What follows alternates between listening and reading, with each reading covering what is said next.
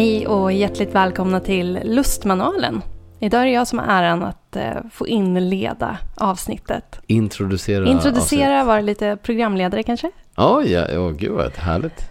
Eh, jag får ändå anse att du, du är ju experten här. Du har ju ändå jobbat och pluggat vin i ganska mycket längre än vad jag har. Mm, ja, jo, inte så mycket längre, men eh, lite i alla fall. Kanske. Mm. Mm.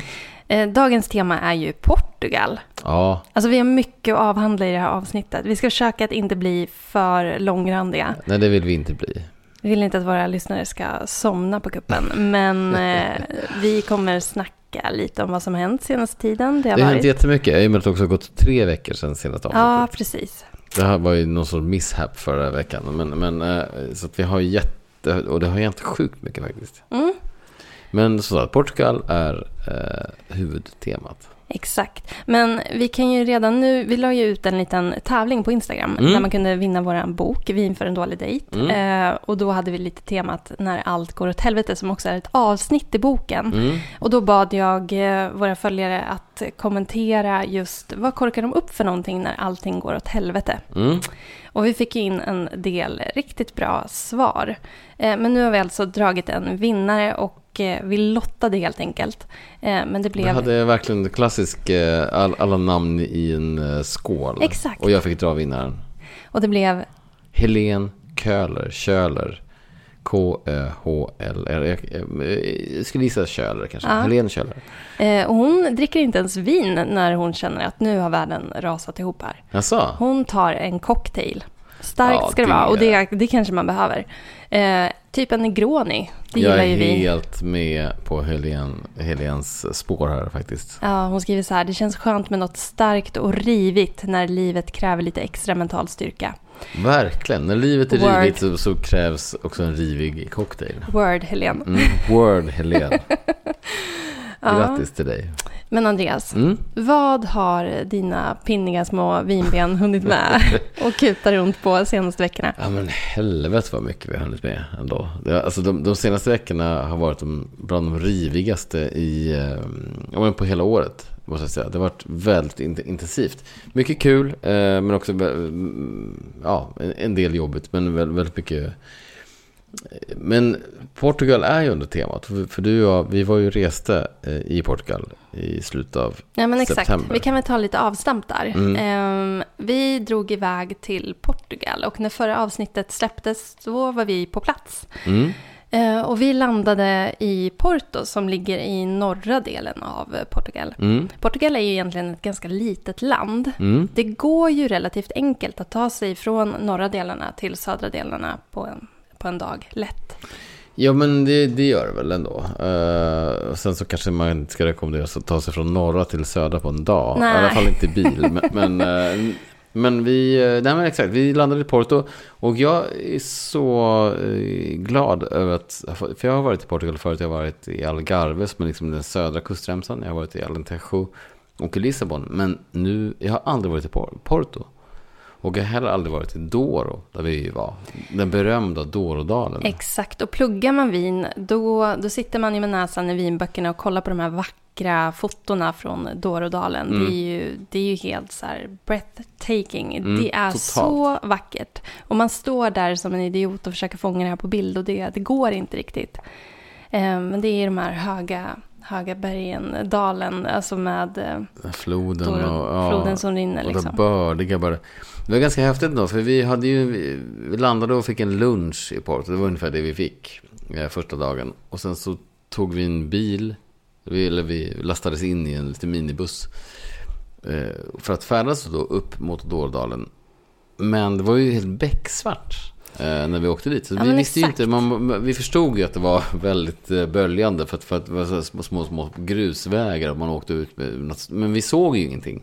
Nej, och det var nog lika bra. Alltså jag har ju mina fobier. Ehm, Jag är ju också relativt höjdrädd. Så det var nog bara till godo att jag inte såg hur brant, Ja, det var nog det var godo. ner. Men att vakna dagen efter och sen så slå upp de här liksom fönsterluckorna och se hela den här dalen breda ut sig var ju, det var, ju, det var faktiskt totalt. Man, man, Ja, men det var som att man vaknade i ett vykort. Det var Ja. helt magiskt.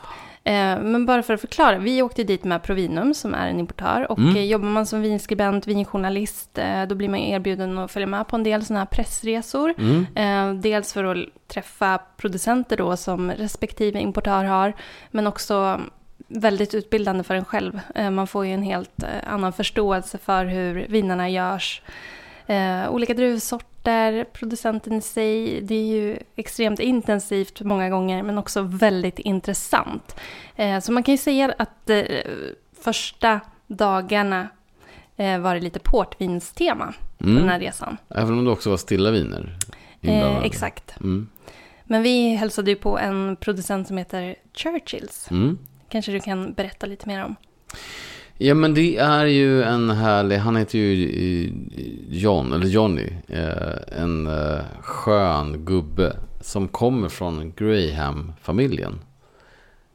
Men bestämde sig för att starta en egen firma med Öraport. Och tog då namnet Churchills för att det är hans fru som heter Churchill i efternamn. Eh, Men han är ju så himla karismatisk och rolig alltså. Och väldigt så här, brittisk. Ja, extremt brittisk. Det är, så man, man, Det är ju en brittisk eh, familj. Ja, ja, det är det ju. Som, som väldigt många eh, familjer, alltså supportfamiljer, Mm. är ju. Men, nej, men det var ju, det var så eh, mäktigt att få komma och se det. Och det är ju precis som, som du var inne på, att man, när man väl, man kan sitta, när man har pluggat vin som utbildningar och i mitt fall också diplom, man sitter med så mycket med kartor eh, och så faktaböcker. Men när man väl kommer till en plats, det är som att, en, att man har ett pussel som plötsligt lägger sig framför ögonen på en. Och att Ja. man förstår, så, ja men just det, det är nu all den här kunskapen som jag har försökt liksom studera in faller eh, på plats. Det blir liksom en, en, en helhet när man Ja, väl kommer till en precis. region. Man kan, ju, man kan ju mata in i hjärnan rent så här, teoretiskt vart eh, saker och ting ligger och föreställa sig hur det ser ut. Men, men som du säger, det är först när man är på plats som man inser att eh, ja, men det är så här det hänger ihop. Ja, men då, då man förstår också så här, men så här varmt är det och så går jag 100 meter längre upp på berget då är det lite svalare. Alltså man, man, allt det här som, man- som, som, man, Mm. som man har läst, men, men att få uppleva det är ju är en helt... Det sätter saker och ting i ett sammanhang som är, som är helt... Det blir som en mosaik som helt plötsligt bildar en tavla. Det, är- det är så mäktigt tycker jag. Ja, men precis. Eh, och när vi vaknade upp där då dagen efter eh, i Doro, där de har eh, sin quinta, man kallar det Quinta för. Quinta da Grisha. Eh, det är lite så här, quinta i Portugal, det är ju lite som, eh, hur ska man förklara det? Eh, Ja, men vingård. Ja, vingård. Ja. Ja, precis. Eh, deras vingård där de också... De, de har sina vingårdar, de plockar druvor till både portviner och sina eh, stilla viner. Eh, Mm. Vita och röda gör de, mest, mestadels röda viner då Mm. eh, såklart. Men, eh, men det var ju jätte, jättevackert ställe och vi fick eh, vandra runt lite i vingårdarna. Eh, de var ju mitt i skörden där. Mm. Det var också intressant. Eh, hade lite problem att få folk, eh, plockare. Det är många som har det nu för tiden. Just att det är svårt att få, för man behöver ju 30-40 personer om dagen som, som kommer och plockar. Men det är jättesvårt att hitta folk som, som är tillräckligt kompetenta. Uh, och det är inte bara i Portugal. Det är, det, det är, må- alltså det, det är vin, vinmakare världen över som säger Mm. att det är svårt att hitta bra, kompetent folk. Och man kan väl säga lite grann att det var väl en genomgående röd tråd när vi snackade om just portvin och portvinsproduktionen. Att det var, det är lite problematiskt. Portvinet är lite så här utrotningshotat kan man säga. Eller det finns inte riktigt eh, kanske det intresset som det har varit kring portvin. Nej men verkligen. Jag, jag, jag, vilket är tråkigt och jag först, på ett sätt förstår jag det. För det är en svår kategori. Det är starkt. Det är... Eh, det kanske är viner som, man inte, som inte lämpar sig alltid till, till en vanlig middag på det sättet. Eh, men, men det, är också, det är också viner som har en historia och en kultur. Och ett arv som är jätteviktigt att bevara. Och det är också fantastiska viner. Eh, och det märkte vi också nu när man... Jag blev påmind om det. att Portvin kan man ju dricka bara som det är. Mm. Och man kan dricka också så gärna till ost och till chark och den typen av grejer. Men, men, men ja, det, det är en, det är en problematisk kategori. Eller de, de, de kämpar ju verkligen. Verkligen, och även som vinskribent så försöker man ju pusha för portviner för man vet att så här, det är ett fantastiskt vin, det är som att dricka en liten bit historia också. Mm. Ehm, och man vill ju så gärna att, att det här vinarvet ska leva kvar. Mm. Men just Churchills tycker jag är så himla bra för att deras portviner är ju ändå lite torrare i stilen. De är väldigt så här, rena, torra, eleganta, mm. även om det är sötare starkviner. Mm. Um, men jag föll lite extra för deras vita port. Det är ju verkligen en, det, det, är en stil som, som är ganska trendig. Det är, just, det är flera portvinshus som, som, som har börjat göra både rosa och vit port i väldigt torr stil. Så att liksom når den yngre generationen, ska mm. kalla för. Den, den nya generationens eh, vindrickare. Och, men jag håller med dig, den var, den var fantastisk. Den var god att dricka som, som den var, bara för sig själv. Eh, ganska kyld, men också vi fick ju någon liten drinkluring där när de hade blandat eh, vitport med tonic. Mm. Och det var ju så otroligt gott och mm. läskande. Mm. Men det var intressant för att de, de pratade också väldigt mycket om, och det, är, inte bara de som gör det, men att, att uh, en stil som funkar bäst, ja, men förutom då de här, liksom, den vita och den rosa och så, som, som är lite mer modern, så Tony Port funkar väldigt bra. Men det är ju, det är en, där, det är, där handlar det om en port som är man blandar väldigt gamla årgångar av olika stil, alltså olika, olika ålder. Eh, men det som är svårast, enligt i alla fall Churches då, är ju vintage. Vilket borde vara, men det problem, och jag förstår det, för att vintage port den lagras i ganska kort tid på, på fat och sen så måste den kräver ju lång lagring på flaska. Mm. Och folk har inte det tålamodet på något sätt. Man, man ska köpa ett, ett portvin som, som, som man vet att man ska, ska lägga undan i 15 år. Det gör man ju inte. Nej, man har inte de um, utsikterna. Och speciellt kanske inte idag när man tänker att Det känns som att hela världen brinner. Nej men det gör man inte. Men, men däremot kan man ju hitta, för du och jag var ju också i Lissabon sen och där fanns det en massa mm. vinbutiker där man kunde köpa vintageport från 67 och 55 och allt möjligt. Och, och ja. det kan man göra för då är, ju, då är den drickfärdig. Men jag förstår, också, jag förstår ju problemet att folk inte vill köpa ett vin och sen så, för att sen så att säga lägga undan. Nej, Nej men absolut. Och det finns ju flera olika stilar. Ska vi dra dem lite snabbt kanske? De olika stilarna av portvin. Ja, kan vi göra. Eh, om vi börjar med Ruby Port. Ja men det är ju eh, en väldigt enkel form av port. Som så här, man buteljerar väldigt ung och den är ganska rivig, fruktig. Eh, nästan lite eldig i stilen ju. Djup i färgen, så här fyllig munkänsla. Enkelt men gott skulle jag säga. Mm. Mm. Och Vintage Port eh, som du alldeles nyligen snackade om.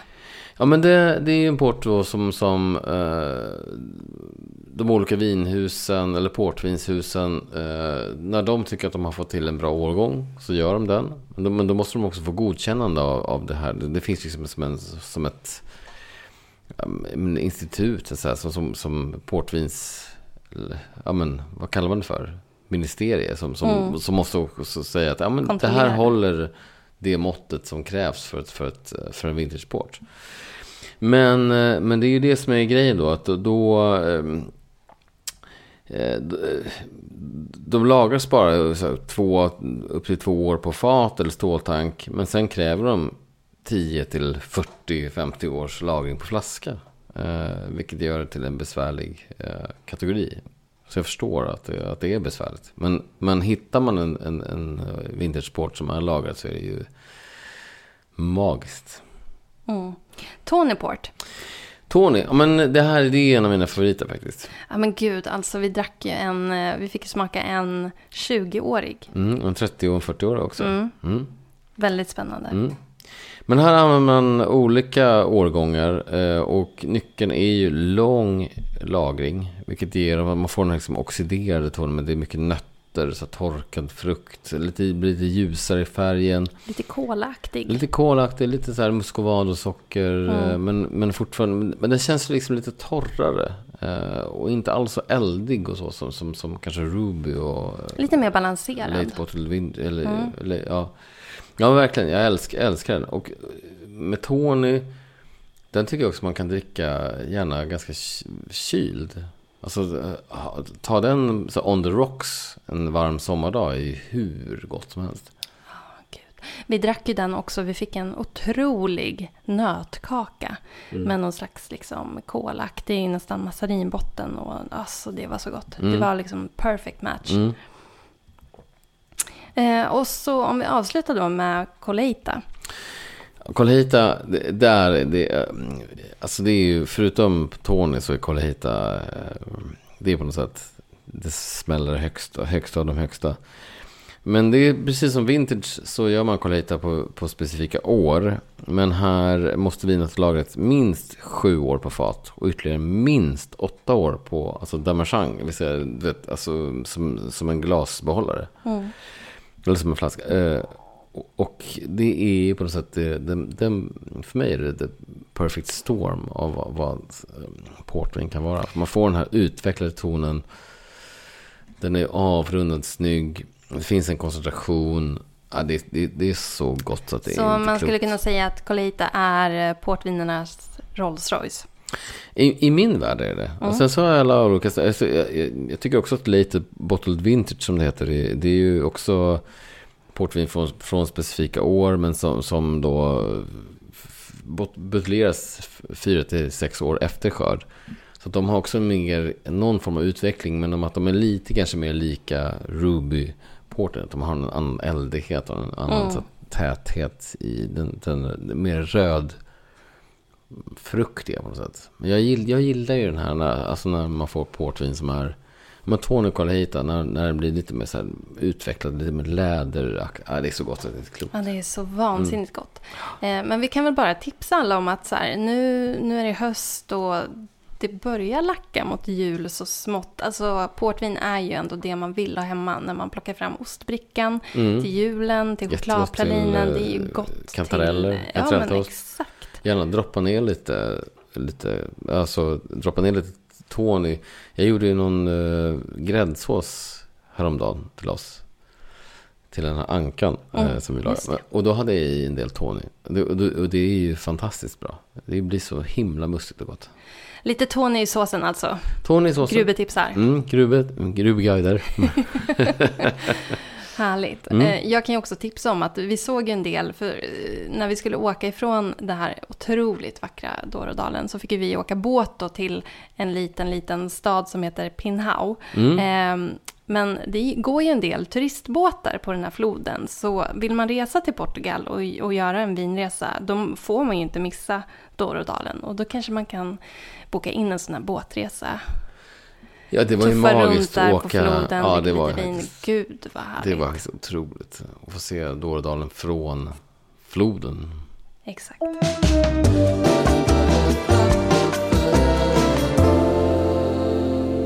Elin, eh, innan vi går vidare med Portugal så du har ju med dig dagens eh, poddvin. Ja men precis, idag fick jag äran att korka upp någonting. Eh, och jag har valt en Pinot Noir. Från USA, eh, Kalifornien närmare bestämt. USA? USA. Ska du börja mobba mig? Nej, inte alls, inte alls. Det var bara så roligt. Det här är min verklighet varje dag. Ja, nej, det är inte alls. Eh, Central Coast eh, och producenten heter Calera. Det här ligger i fasta sortimentet.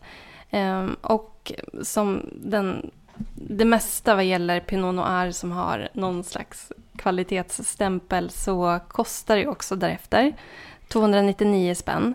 Vilket ändå är, måste Men jag säga, man får- ett fynd i Man sammanhanget. får ändå riktigt, riktigt bra droppar här. Det är helt underbart. Mm. Det är så här läckert rödbärigt, det finns en härlig eh, kanelkrydda i glaset.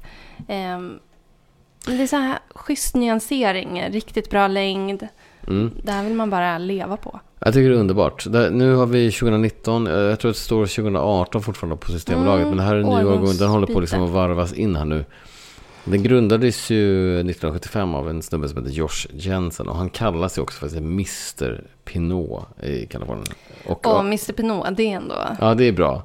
Och eh, hans, eh, hans eh, viner har också kallats för Kaliforniens Romane Conti. Alltså då från Domaine de la Romane Conti i inte Bourgogne. dåligt. Det är Nej. ganska bra vitsord. Det finst en väldigt fin finess i det här tycker jag som är skitläckert. Verkligen, det, det är så finessrikt. Eh, Och numret är 87282 om man vill 87282. Spana Och in 299 den här spänn. Ja, ljuvligt vin tycker jag. Jättegott att dricka nu. Kan också lagras bra länge. Men jag, Det orkar ju- man inte.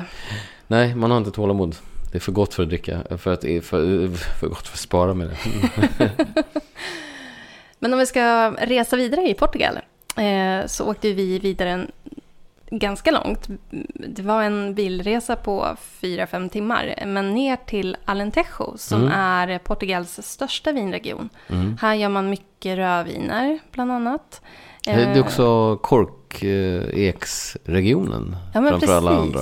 Mycket korkeksodlingar. Det var ju Mm. väldigt kul att få se det. Eh, fascinerande industri ändå. Man får inte ha bråttom så att säga. Nej, jävlar alltså. Det krävs eh, några år, ganska många år, för att kunna skörda ett korkexträd så att säga. Skrapa av barken då och kunna göra. Ja, Eh, det, det, korkprodukter. det, det är först när de är 12 år som, som de ger kork av bra kvalitet. Och sen så måste man vänta, eh, jag kommer inte ihåg vad jag sa, om det var 8 eller 10 år mellan varje skörd av kork. Men ganska bisarrt faktiskt. Lång, la- långsiktig, eh, långsiktigt företagande. Verkligen. Eh, och här fick vi, alltså från det här småskaliga familjeföretaget då i eh, Porto, ehm, så fick vi nu besöka en lite större producent eh, i Alentejo som heter Casarelvas, som gör väldigt bra budgetviner skulle jag säga. Ehm, Ja, men de gör bra viner i både budget, eh, men här men i de har- Sverige har vi har man fått in några budgetviner Ja, på. Ja. Mm. Så jag tror att många kanske känner igen, eh, det finns ett vin på fasta hyllan eh, som heter Segredos. Det är en liten nyckel på Mm, en, en, mm. en ganska mörk etikett. Eh, väldigt bra vin, jag tror jag har rekommenderat det många gånger. ja, jag med tror jag. Ehm, och sen har de också ett vin som heter just Casarelvas, där etiketten är mer som ett frimärke ser det ut som. Just Lite det. så här blå, blåvitt. Mm. Ehm, ja, men så bra, bra budgetval i vinväg. Men vi fick ju också prova några av deras liksom så här mer vingårdsbetecknade grejer och sånt. Vilket också var jätteroligt. Eh, kul att se kontrasten. Och också förstå även där på något sätt. Att man, man fattar ju vad klimat, alltså så här nederbörd. För, för Alentejo ligger ju långt in i landet. Det är ju verkligen, det är ju nära spanska gränsen. Så där finns ju inte alls, eh, det, det är också ganska platt. Det är så här torrt och platt och lite, mm, vilket också gör saker med vinerna. Mm. Ja, absolut. Nej, men det var jätteintressant att höra om hur, hur de jobbar med just så här, vattentillgången i vingårdarna och hur de försöker eh, jobba ekologiskt och eh, hållbart. Mm. Roligt. Och sen så avslutade vi ju ändå, när de andra åkte hem, eh, våra, vårt res, resesällskap, så åkte ju du och jag till Lissabon. Exakt. Då fick vi leva life lite Mm. på tu man där. Alltså jag har ju varit i Lissabon eh, på vinrelaterade grejer eh, ett par gånger förut. Och det är, för mig är det en sån här stad som, som är typ en av de bästa i Europa. Man kommer till Lissabon och blir liksom kär i stan. Det är så, det är så jävla skön Pittoreskt känsla. och avslappnat. Ja, Nej, jag, jag, det, var, det var helt fantastiskt. det är vackert, trevligt, folk, är- folk är, är sköna. eh, Man bara glider runt. Det finns go, god mat, det finns god bärs, det finns goda viner. Det Jag, är- min eh, dumma jävel, hade ju packat två par klackskor. De fick jag ju ingen användning för kan jag ju berätta. Nej, det är man ska inte ha kullersten överallt Det är kullersten överallt och det är också, det är, det är snacka om uh, kuperad terräng. Ja, verkligen. Det var mycket upp och ner. Väldigt mycket Jag kände mig som en sån här bergsget nästan. Ja, ja, verkligen. Men det är också det som är så himla vackert. Alltså de här uh, mosaikväggarna och ja, det är så himla fint ju. Och mycket roliga småställen. Det kunde vara Mm. så här hål i väggen, men eh, jättekul att bara kika in, ta ett glas. Vad hade du för favoriter på, i Lissabon? Jag, jag har ju några som, som, som jag gärna kan tipsa om. Alltså, så, Mm. Om man reser till Lissabon. Vad, vad var dina? eh, Jag tror att vi har eh, samma favoriter. Men, Ja, eh, kanske. Nej, men vi, vi älskar ju att hänga på Cork här i Gamla stan i Stockholm som är en portugisisk eh, vinbar. Eh, och vi känner ju Alex som har det stället ganska väl. Så Mm. vi fick ju en del insider-tips. Mm, Mal, eh, Alex Malcolm. även Malcolm som Ja. jobbade som, som Precis. mässade ju med några riktigt bra insidertips. Eh, men Grapes and Bites. Bästa vinbaren måste jag säga i, i Lissabon. Alltså vilken glaslista. Ja men även flask, alltså de har ju typ 600 referenser varav alla är från Portugal. Och eh, ja, överslagsräkning men åtminstone 400 av dem gick ju få på glas. Alltså hur kul som helst, bara sitta där och bläddra, eh, försöka uttala alla de här inhemska druvsorterna som man kunde välja bland. Eh, sen så var det också livemusik, det var väldigt mysigt. Det var jättemysigt. Det var livemusik och sen så gick strömmen vid Ja. flera tillfällen. Men det, vilket bara bi- bidrog till någon sorts ännu bättre stämning. Det var helt... eh, Men det, men det gillar med det, dels att de hade utbudet, men också att de var precis som Cork i Stockholm, att man kommer dit och var så här, ja, vi har ingen koll på, jag känner igen liksom så här några viner på listan, men jag är sugen på det här, kan du, kan du guida mig? Och de, och de var ju bara så här, jajamän, vi testar det här, då kommer de med några e-, e-, förslag, så här, gillar du det här? Så bara, ja, man kanske vill ha något lite mer kryddigt, ja, det här då? Ja, perfekt. Är jättehärligt, det älskar man. Ehm, och apropå att liksom kanske inte kolla så här, eh, glo ihjäl sig på vinlistan, utan mer få bli guidad av eh, sommelieren eller eh, den som jobbar i vinbaren. Black Sheep var ju också sjukt roligt ställe. Jättelitet, trångt, men de hade otroligt mycket roligt på flaska och glas. Det var ju som ett hål i väggen bara. Det var liksom en liten, en liten bardisk som var två meter lång. Och sen så var det, men hela lokalen var inte mer än 10 kvadrat. Men de hade en jätterolig eh, vin, så de hade inte ens vinlista, men de- de hade massa viner. Nej, men det var mer så här, säg vad du gillar så får du testa lite och Ja, eh, så då- hittar vi något. Ja, men också allting där var ju, var ju eh, de hade ju både så inhemska portugisiska grejer och de hade Cotroti eller San Josef eller fanns det, de hade, de hade så himla Ja, det var en otrolig bredd. Ja. Och det var också så här, i och med att det var sån liten lokal, Ja, eh, så var det också den här känslan av att, eller hon sa ju det, hon som jobbade i vinbaren, hon, hon sa i princip, ta med er glasen och gå ut i parken och sätt er där. Om ja, det blir lite absolut. trångt. Ja, visst. Man var bara tvungen att Det lämna någon skulle sorts aldrig eh, liksom, för, att, för att de skulle få tillbaka glasen. Sen så var vi också på, vi besökte ju några cocktailbarer. Eh, vi var bland annat då på, vi försökte komma in på ett ställe som heter Red Frog Speak Easy. Men eh, var på deras andra syster, systerkrogen, Monkey Mash. Red Frog är, måste man ju boka bord på långt innan, för de har typ bara sex platser. Och sånt där. Ja. Men Monkey Mash var ashärligt, tycker jag. Det var superkul, väldigt eh, hög experimentslust vad gäller cocktails och eh, där satt man gärna kvar och tog en drinkeluring. Mm, Jättemysigt, det kan man verkligen rekommendera. mm. Men den stora behållningen kanske ändå var vårt enda bokade restaurangbesök. Ja, fy fan vad bra det var. See Me. Simi, ja. Det hade jag fått Si med, som då står som S-E-A såklart. mm, som hav.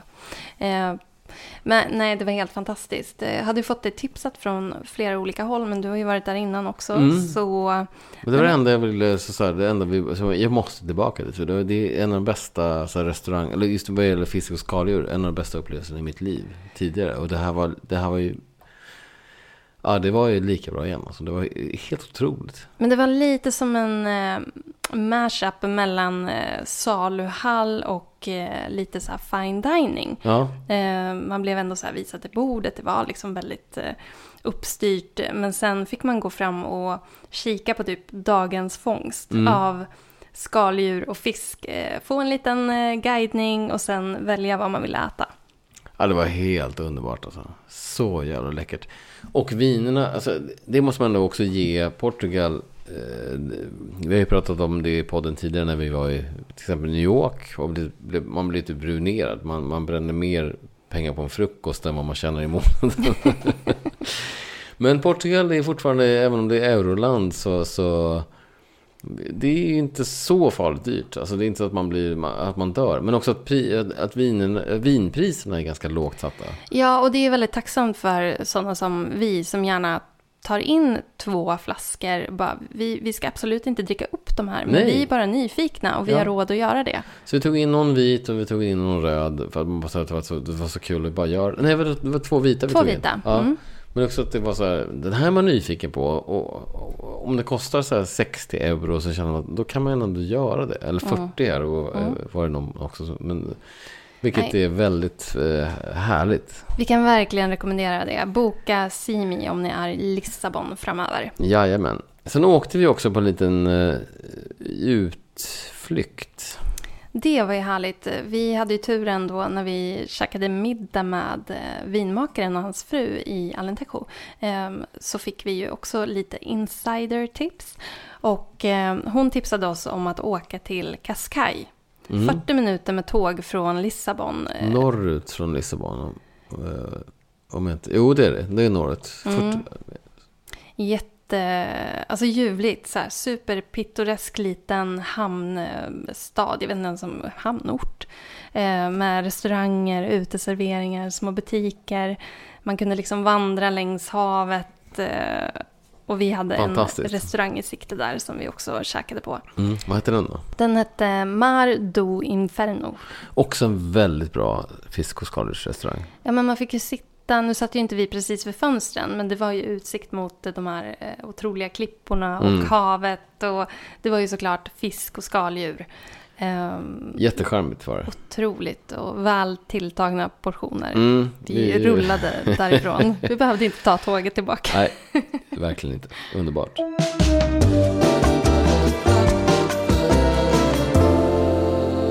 Elin, vi ska gå vidare va? Eh, vi hade, du hade fått någon fråga från eh, mm, en av våra underbara lyssnare. Jonas, som vill ha tips på brasviner. Ja, exakt. Eh, Gillar frågan. Brasvin Ja, är ett bra brasvin, uttryck. Det är som duschvin och brasvin. Jag förstår exakt vad det handlar om. Ja, men den som har turen. Alltså, vi har ju ingen, vi har ingen kamin eller eldstad här i vår lägenhet i Stockholm. Men i skärgården Ja. har vi ju lyxen att kunna elda lite. Och det är Mm, helt jag underbart att kunna sitta nu när man är lite frusen rakt in i själen. Eh, sitta och värma sig framför elden och sippa på något gott. Mm. Men vad är egentligen ett bra brasvin? Men ett bra brasvin tycker jag ska ha, ändå ha, det ska ha en klunkvänlighet tycker jag. För man, när man sitter framför brasan så då värmer ju den skönt. Men det är inte, jag känner inget behov av att äta. Jag vill sitta och sippa på något som, är, som har, men man vill också ha någonting som har någon form av värme och kryddighet. Jag skulle vilja tipsa dig Jonas om följande. Eh, Cross Hermitage Domaine Combier. Eh, den, jag tror att det är 2021 som ligger på hyllan just nu. Men det är ett beställningsvin. Numret är eh, 74 696. 74 696. Kostar 299 spänn. Ett enormt läckert, alltså det är sån jävla bra Cross Hermitage. För den har en sorts floral touch, väldigt mycket röda bär. Så det går, så det är verkligen ett vin som, som gör sig bra på egen hand. Det kan också funka bra till en plockbricka, det funkar bra till, eh, till en köttbit och sådär. Vill du ha någonting eh, i eh, det fasta sortimentet så skulle jag ändå rekommendera Chateau de la Liquière Fauchère 2021. Mm, din franska. Pardon my French. Eh, Den kostar 174 spänn och numret är 3530. Lite kryddigare, lite fylligare kanske. Det är Languedoc, men alltså liksom ändå den moderna stilen av Languedoc. Eh, vansinnigt bra också tycker jag. Mm. Vi kommer vi kommer lägga ut allt det här på Instagram Mm. sen, så ni behöver inte sitta och anteckna, även om, även om det är bra att vi säger numren. Mm, ja, men, det, ändå- ja, men man får ju kritik Li- om man inte säger numren. Så Ja, det är ja, lika ja. bra att säga. Nej, det är lika bra att Men härliga här. Men det är så här sköna viner som ändå har någon form av tryck i smakerna. Men också någon form av eh, elegans och finess. Det är för, bra svin för mig i alla fall. Ja, om jag får räcka upp mitt lilla finger här. Eh, Jag har också ett brasvin som jag vill rekommendera och det är Benanti Etna Rosso. Årgång 2020 ligger just nu inne. eh, 199 spänn i beställningssortimentet. Mm. Eh, Och jag har valt det här för att eh, man får lite den här rökiga mineraliteten. Jag tänker så här, brasa, lite det här Mm. rökiga touchen. Vinet, lite rökig mineralitet. eh, Det är ju ett vin från Sicilien, Etna. Det är Ja. vulkaniska jordar och vinet fångar upp det på något sätt. Är väldigt så här rödbärigt, härligt. Det är det verkligen. Också väldigt så här, eh, ganska lätt i stilen. Mm, Eh, det är det. Även om det finns liksom en, en kärna. Men det, men det är också det, det är verkligen det finns en sipp, sippvänlighet där som jag tycker Exakt. är superläcker. Och det numret är eh, 74874. Mm. Underbart.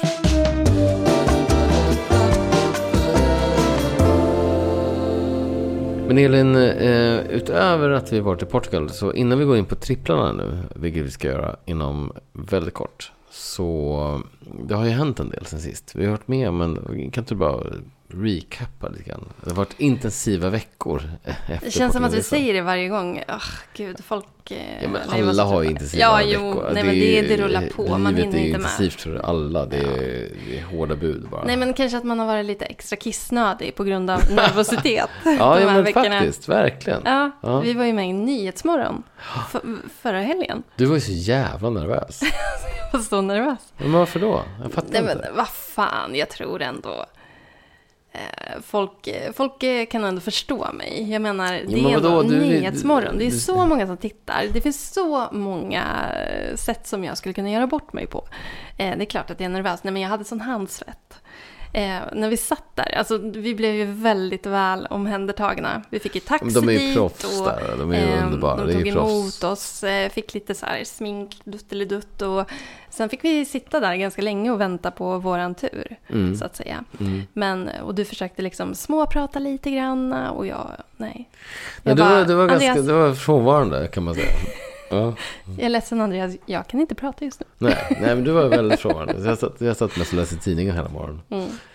Nej men, eh, nej, men eh, all heder tycker jag att Nyhetsmorgon, de är så jävla proffsiga på att få en att känna sig välkommen och bekväm. Det är så att allting bara känns väldigt lugnt.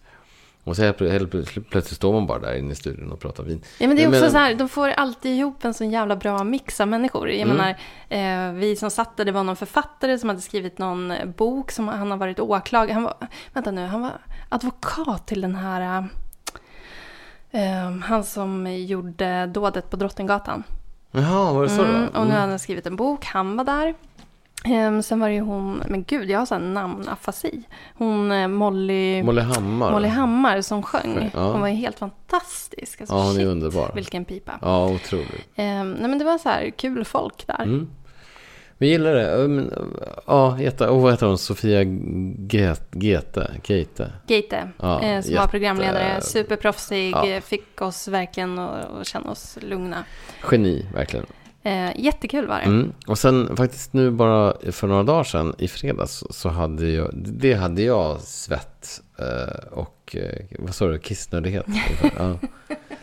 För vi hade på med Wine Table där jag jobbar och som också driver så hade vi en, det vi kallar för höstsalongen. Vi hade samlat ihop 12 stycken importörer och bjudit in så många vi fick plats med på grund av brand, Eh, ja, brandreglerna. Men ungefär 300 vanliga vinälskare som kom dit. Och det var så fruktansvärt roligt. Men jag var också svinnervös såklart. Man vet att allting ska klaffa och jag skulle hålla någon masterclass i Pinot Noir och sådär. Men det var, det var ju väldigt lyckat. Nej men det var jättelyckat. Jag var ju där hela dagen och en bit in på kvällen och försökte kränga lite böcker. Men om jag ska vara helt ärlig så gick jag mest runt och Drack vin. sippade på lite ja, vin. ja, men jag vet också att det var vi, vi, vi träffade ju också flera av er som lyssnar på den här podden. Är Där, vilket jättekul. vi, det var fantastiskt. Vi, vi älskar att få, få prata med er live. Och det, det var jätteroligt och tack för att ni kom. Och det, var, det kändes ändå som att det var en lyckad Det, det tycker jag verkligen. Mm. Det ska ni, Wine Table i gänget vara nöjda över. Ja, vi får se om det blir en fortsättning. Jag hoppas det. Ja, men då tycker jag ändå att vi slidar in på tripplarna. Mm. Och eftersom jag korkade upp poddvinet så får du börja. Jajamän, och jag börjar i, eh, med eh, ett musiktips. En eh, eh, ja, Xavier Cugat, alltså Xavier stavas med X i början. Eh, Rumba-kungen från Spanien. Han levde mellan 1900 blankt och 1990. En spansk violinist och, och orkesterledare som har han bodde också en, eh, en period på, på Kuba och sen så har han varit, eh, bodde också en lång period i USA. Så fruktansvärt härlig musik. Det är, så här, det är liksom tropicana, det är rumba, det är salsa. Men också lite så här eh, överdrivet svulstigt. Jag, så, jag älskar det. Det är, så här, det, det är på något sätt extra allt. Eh, Tropicana på sätt. Ja, men det är svårt att sitta och sura när man hör den här musiken. Ja, men det är så Det börjar liksom vräkigt och ofrivilligt härligt. Jag att rycka vet. i olika lemmar. Och jag kommer att uppdatera vår eh, Lustmanualen-lista med, med mina favoriter. För, för han, han har både örat liksom gamla klassiker, men han har också skrivit mycket med egen musik. Men det finns någon sorts bara så här, ah men det är perfekta matlagningsmusik, perfekta mingelmusik. Vi hade ganska många av de här på vår bröllopsmingellista. Mm. Eh, Xavier Cugat, underbar. Jättebra, för vår spellista har ju legat lite träda, men Mm. nu ska vi börja fylla på den igen och den finns sparad under höjdpunkter på Lustmanualens Instagram-profil. Ja men bra där. Jag ska, och jag ska fylla på den nu med Xavier Cugat, åtminstone tio låtar. Eh, sen vill jag tipsa om Tills alla dör, en reportagebok av Diamant Salihu. Eh, som handlar om hela gäng, eh, bro, alltså gängproblematiken som är ju tyvärr högaktuell. Men den, den, där får man ändå veta en del om bakgrunden och hur Ja men lite var, var, var, var allt det här startade på något sätt. Fantastisk reportagebok. Och eh, ja men hatten av till den typen av journalistiskt arbete som, som Diamant gör. Eh, Som tredje tip, trippel, eh, Bottle Shop. Det är ett ställe på Kocksgatan i Stockholm. Eh, det finns flera av de här i, i Stockholm. Och jag hoppas att det finns även andra- ställen. Men där man säljer då öl, cider och så vidare som inte överskrider 3,5% alkohol. Så man, kan, man kan gå in där och köpa, man kan testa, man kan sitta vid baren och, och, och beställa något. Och man kan också köpa med sig hem, vilket känns som att, det känns som att man lever i Köpenhamn för, för, en, för en kvart, så att säga. Ja. Eh, Men också att de promotar eh, de här lite mindre aktörerna som gör bra grejer i den alkoholklassen. Vilket, ja, underbart. Ja, men kul. Är Mm. man i Stockholm så kan man spana in det helt Mm. enkelt. Roligt. Då hakar jag på här med mina tripplar. Ehm, Jag vill börja med boken Potatis. Mm. Potatisboken.